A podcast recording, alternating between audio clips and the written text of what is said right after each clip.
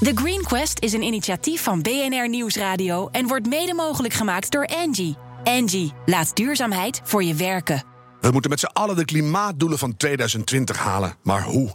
Welke ontwikkelingen maken Nederland echt duurzamer? Dat hoor je hier in de Green Quest, de zoektocht naar de meest gedurfde innovaties van Nederland. Duurzaam ondernemer en pionier Maurits Groen haalt de New York Times bestseller Drawdown naar Nederland.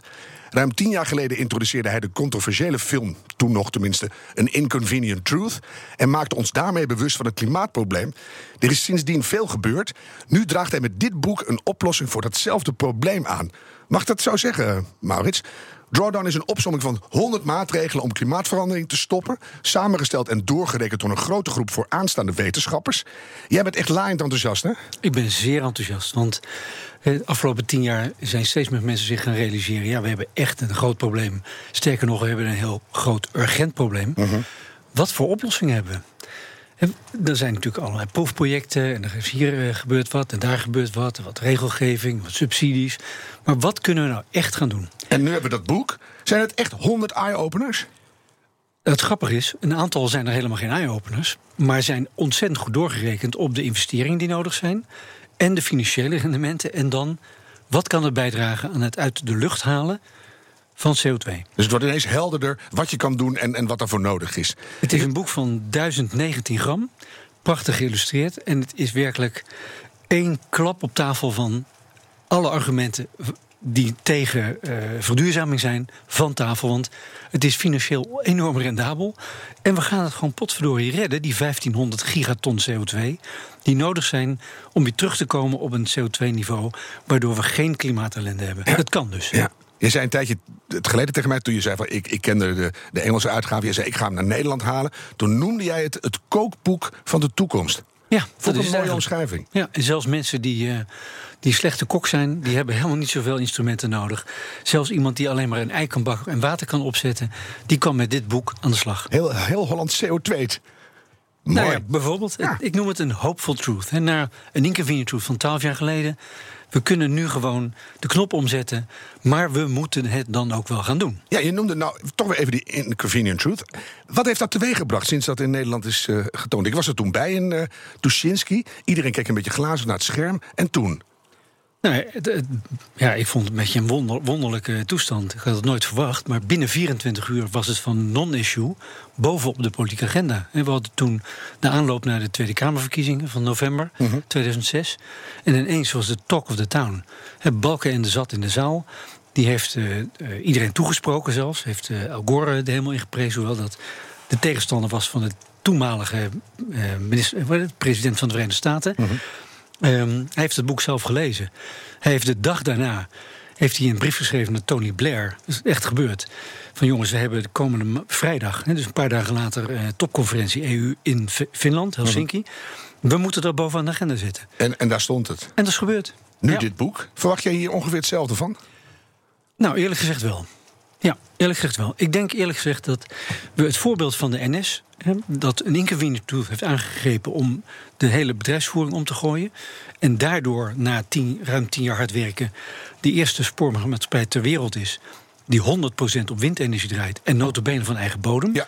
Dat is gebeurd doordat de, de baas toen, Aad Veenman, heeft gezegd... potverdorie, wij zijn de grootste stroomafnemer van Nederland. Wij doen alleen maar bruinkool, steenkool, olie en nucleair. Wij zijn a big part of the problem. Wij moeten a big part of the solution zijn.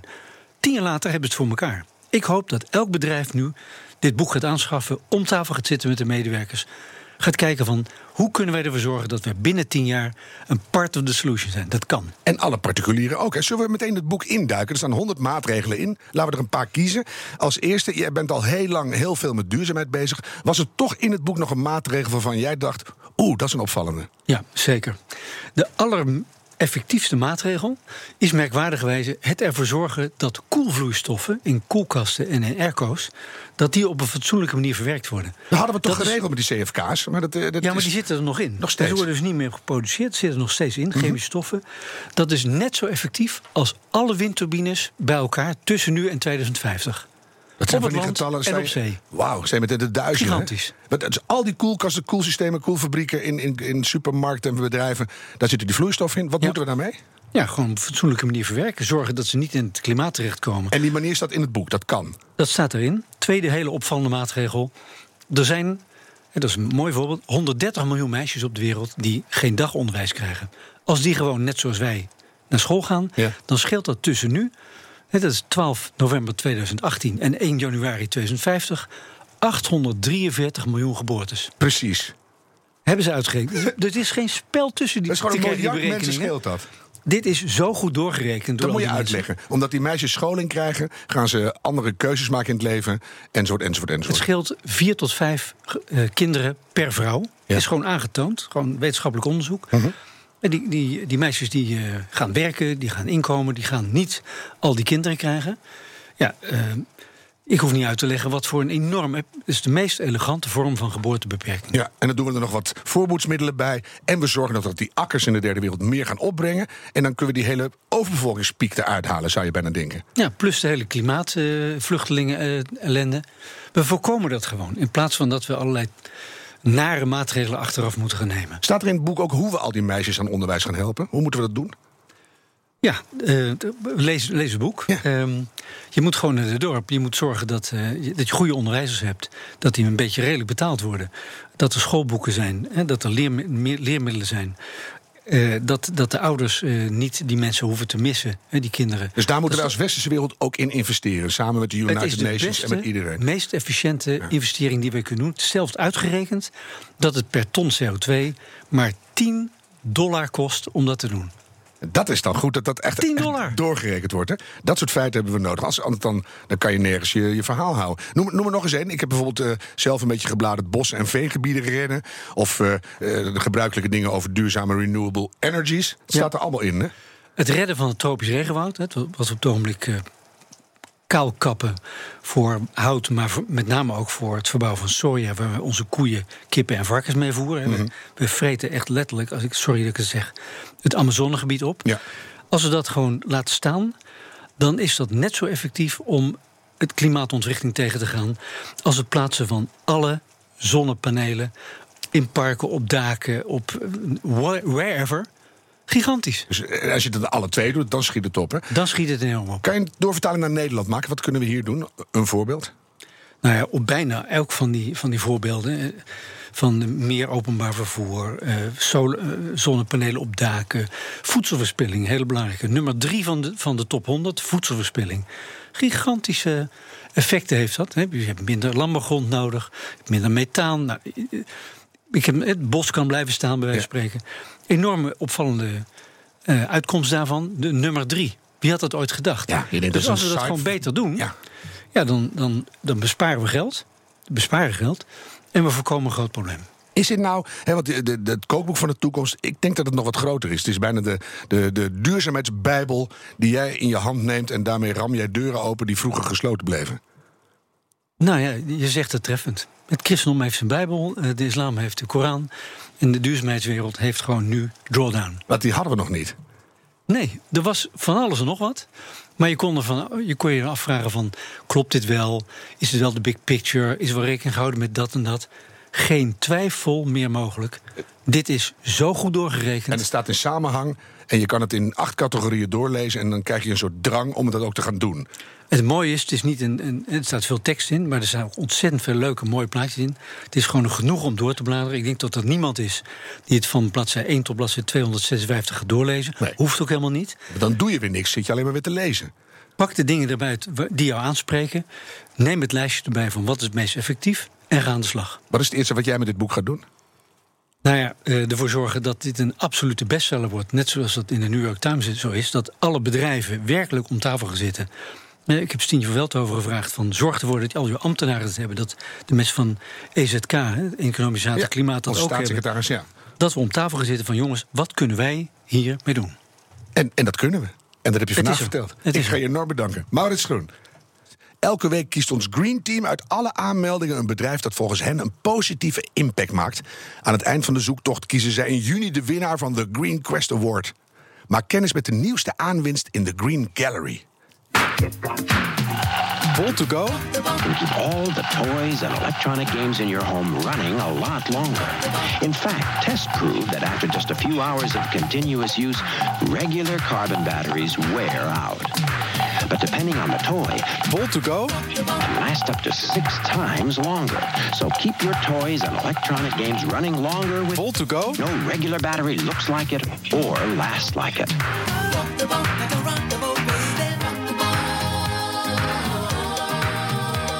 Ja, rock the boat, don't tip the boat over. Job Veldman van Voltego. Ehm dat was een soort combinatie van wat jullie doen en konijnen met batterijen. Maar jullie gaan met boten en batterijen iets doen. Wat precies? Ja, wat wij graag willen doen is een batterij ehm, eigenlijk beschikbaar maken zodat mensen die kunnen delen. Batterij is hartstikke duur en eh, we moeten de kosten omlaag krijgen van batterijalternatieven. Dat doen wij voor kleine bootjes. Het, het gaat niet om meteen die hele grote joekels met al die malle Chinezen erin. Maar om die kleine sloepjes en in eerste instantie in de gracht in Amsterdam. Ja, daar, daar, daar zijn wij, eh, daar zit ons bedrijf en daar richten we ons zeker op. De gemeente wil ook graag eh, helemaal elektrisch worden. Maar ook andere steden zijn zeker, staan zeker op de lijst. En inderdaad, juist echt die particuliere bootbezitters, want daar gaat nog bijna niemand elektrisch van. Eh, en en hè, dus de professionele verhuur die kan die investering al wel doen. Vaak. En dan die, die, die kleine bootjes is eigenlijk weer te duur of te lastig. Jij begon dit bedrijf vanuit een persoonlijke ergernis. Hè? Is er een specifiek moment geweest waarop jij dacht... nou, erger ik me echt te pletter? Ja, dat moet zijn geweest op het Leidseplein. Ik herinner me nog precies. Ah, wacht. Dit is een ander moment uit de... Kan je me überhaupt nog verstaan door deze herrie heen? Zeg je uit maar. Ja, wat we hier eh, horen is een, eh, eh, het geluid van een filmpje wat ik maakte in Myanmar. Dus niet het Leidseplein, maar in Myanmar. Waar ik een, op vakantie was na mijn vorige bedrijf. En toen eh, op een bootje zat in Inlay Lake. Het is een prachtig eh, meer waar mensen wonen in huizen op palen. En alles met kleine bootjes gaat. En daar hebben ze bootjes met eh, oude tractormotoren die ze daarop monteren. Want dat is goedkoop. Ja. En daarmee varen ze dus alle toeristen en alle andere mensen heen en weer. Ik heb op een zijarm van de Amazone gevaren in zo'n plofschuit. Dan gaat het urenlang. Je bent totaal van de wereld, je verstaat niemand meer. Het is een klerenherrie. Ja, die, die chauffeurs op die bootjes zijn zelfs hartstikke doof. Van dat geluid en het is echt ongelooflijk. Nou, en daar, daar zag ik ineens van, hé, hey, eh, dat meer... dat heeft dezelfde oppervlakte als Amsterdam binnen de ring... waar ook alle bootjes liggen. En toen dacht ik van, hé, hey, maar als het ergens kan beginnen... dat we ook daar die, die rotbootjes eh, eh, kunnen, elektrisch kunnen maken... dan is dat misschien wel in het rijke Nederland, in Amsterdam... waar mensen er wel geld voor hebben om Ja. allemaal mee te doen. Ergens beginnen. Even de feiten, hè. Je begint in Amsterdam. Over hoeveel sloepen heb je het dan? Heb je vast berekend? En hoeveel CO2 braken die uit? Ja, Zo'n zo'n beetje 16.000 eh, boten zijn het. Eh, nou, die, eh, omdat mensen hun boten weinig gebruiken, gaat het op CO2-gebied niet, zo- niet zo ontzettend veel. Maar wel op NOx-gebied. Dus dat is best een interessant statistiekje. Eén ehm, buitenboord benzinemotor die relatief nieuw is uit 2014. Die heeft eh, geen filters, geen eh, katalysatoren en noem alles maar op. Zoals een benzineauto die wel heeft. Dus één zo'n zo'n buitenboordmotor die stoot evenveel NOx uit als 38,5 eh benzineauto's. Dat is echt heel smerig. Ontzettend smerig, Ja. ja. Dus dat is die luchtvervuiling die je in de stad dus merkt. En we hebben het geluid al genoemd. Ik kan me ook nog voorstellen dat het olieresidu en andere meuk in de grachten ook nog teruggedrongen wordt. Ja, zeker weten. En dat meten we allemaal niet, hè. Dus maar goed, eh, iedereen weet hoe slecht het zwemmen is in de grachten. Dan moet Ja. je altijd even naar de dokter voor een prikje. nou, zelfs koningin Maxima heeft het gedaan, dus het wordt langzaam beter. Maar dit zou een enorme bijdrage zijn misschien. De kern van jullie inzending voor de Green Quest is de batterij. Wat is er nieuw aan jullie batterij? Ja, die is draagbaar met hoge capaciteit. Dus dat moet, daar moeten we naartoe. Op dit moment zijn batterijen vaak, voor, eh, zeker voor boten... Hè, water verplaatsen kost heel veel energie. Daar heb je veel energie voor nodig. Grote batterijen die zijn niet draagbaar. Nou, en daardoor heb je infrastructuur nodig. Want dan moet dus waar die boot ligt, moet dus een oplaadpunt zijn. Nou, daar komt heel veel investering bij kijken. Nou, wij hebben die batterij eh, draagbaar gemaakt en koppelbaar... zodat je met één en dezelfde batterij bij alle motoren... eh, een, een, een batterij hebt die je dan thuis kan opladen... of zoals bij ons in een swap-systeem kan eh, toepassen. Dus je kan varen en als die leeg is, ruil je hem om. En dan kan je gewoon eindeloos doorgaan. Eindeloos, dat is het idee. En heb je met die batterij ook nog iets gedaan? Wat gebeurt er bijvoorbeeld mee als de levensduur voorbij is? Ja, dus hij, hij moet van hele hoge prestatie zijn... omdat zo'n boot zoveel energie kost. Maar eh, de celletjes die erin zitten... die zijn nog heel goed te gebruiken voor eh, powerwalls bijvoorbeeld. En dan kan hij nog tientallen jaren een functie vervullen in het huis. En daar ben je natuurlijk ook mee bezig, zodat die uiteindelijk helemaal circulair worden. Ja, Harm.